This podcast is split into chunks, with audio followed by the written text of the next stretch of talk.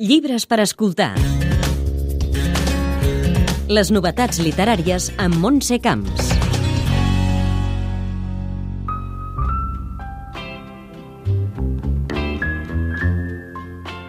Un jove, en Jarrett, té un accident de cotxe que el deixa en cadira de rodes. Després de 10 anys de no parlar-se, torna a casa del seu pare perquè el cuidi. Dia a dia, entre escenes domèstiques, bromes i silencis, els dos s'encaren els traumes familiars del passat. Aquest és el punt de partida del Covard, la novel·la del nord-americà Jared McGuinness que publica l'editorial Periscopi amb traducció d'Anna Listerri. Obra premiada i elevada per la crítica, és una reflexió sobre el dolor, el perdó i les segones oportunitats.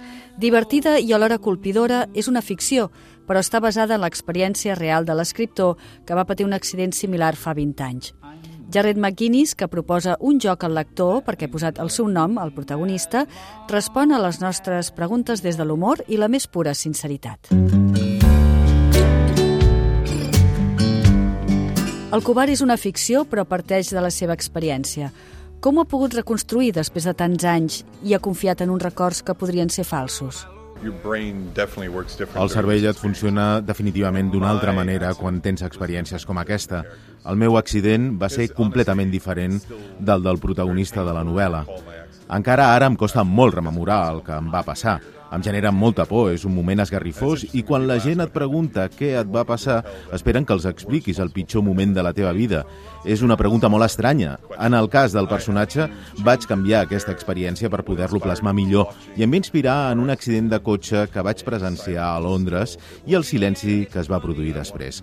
Volia que el lector sentís aquesta tensió i incomoditat quan entén el dolor físic que pateix en Jarrett amb l'accident. I és el que aconsegueixes amb la ficció, posar paraules a una experiència difícil d'explicar. És la màgia de la literatura. That's, that's the, the magic of, of literature. Escriure aquesta novel·la ha sigut catàrtic? I do not believe writing is therapy. No crec que escriure sigui terapèutic, no cal que ho sigui, però sí que ho va ser per mi. Em va permetre pensar en mi mateix, en la meva discapacitat, cosa que curiosament no havia fet durant 20 anys.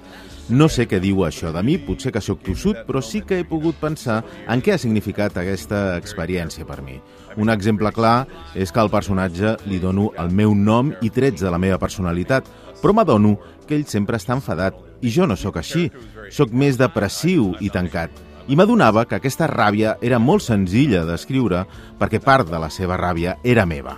Va ser fascinant descobrir coses de mi mateix, tot i que estic content que s'hagi acabat perquè no volia continuar sent com el meu personatge. Yeah, because I don't, I don't want Jared in my head anymore. Last night downtown, I was drinking the booze like it was going out of style. És una novel·la divertida, malgrat tot. Quin paper juga aquí el sentit de l'humor? Estava explicant una història que era emocionalment molt difícil, molt dura, però també m'interessava que els lectors tinguessin moments de descans, que no estiguessin constantment torturats, cosa que a alguns escriptors els agradava fer. Tenia dos personatges homes. Un està deprimit i els homes no destaquen per parlar dels seus sentiments i les persones deprimides als llibres són avorrides. Per tant, amb humor, podia fer que la història avancés. L'humor és molt eficaç per això. En Jarrett serveix per atacar i en Jack per parlar de manera indirecta. Les bromes que es fan són des de l'amor. L'humor potser és la resposta al trauma i la tragèdia. Potser és com sobrevivim. how we survive. Per què aquest títol, El covard? I was exploring themes of masculinity. Exploro aspectes de la masculinitat i potser una de les pitjors coses que et poden dir com a home és que ets un covard. I en Jarrett i en Jack, els dos protagonistes, creuen que ho són. És un títol irònic, evidentment. Crec que ells estan fent tot el treball emocional necessari que durant generacions tots els homes s'han negat a fer.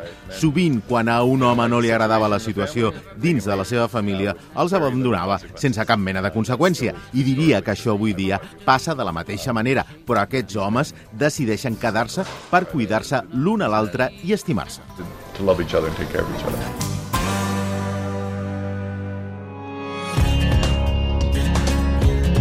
Llibres per escoltar. Les novetats literàries amb Montse Camps.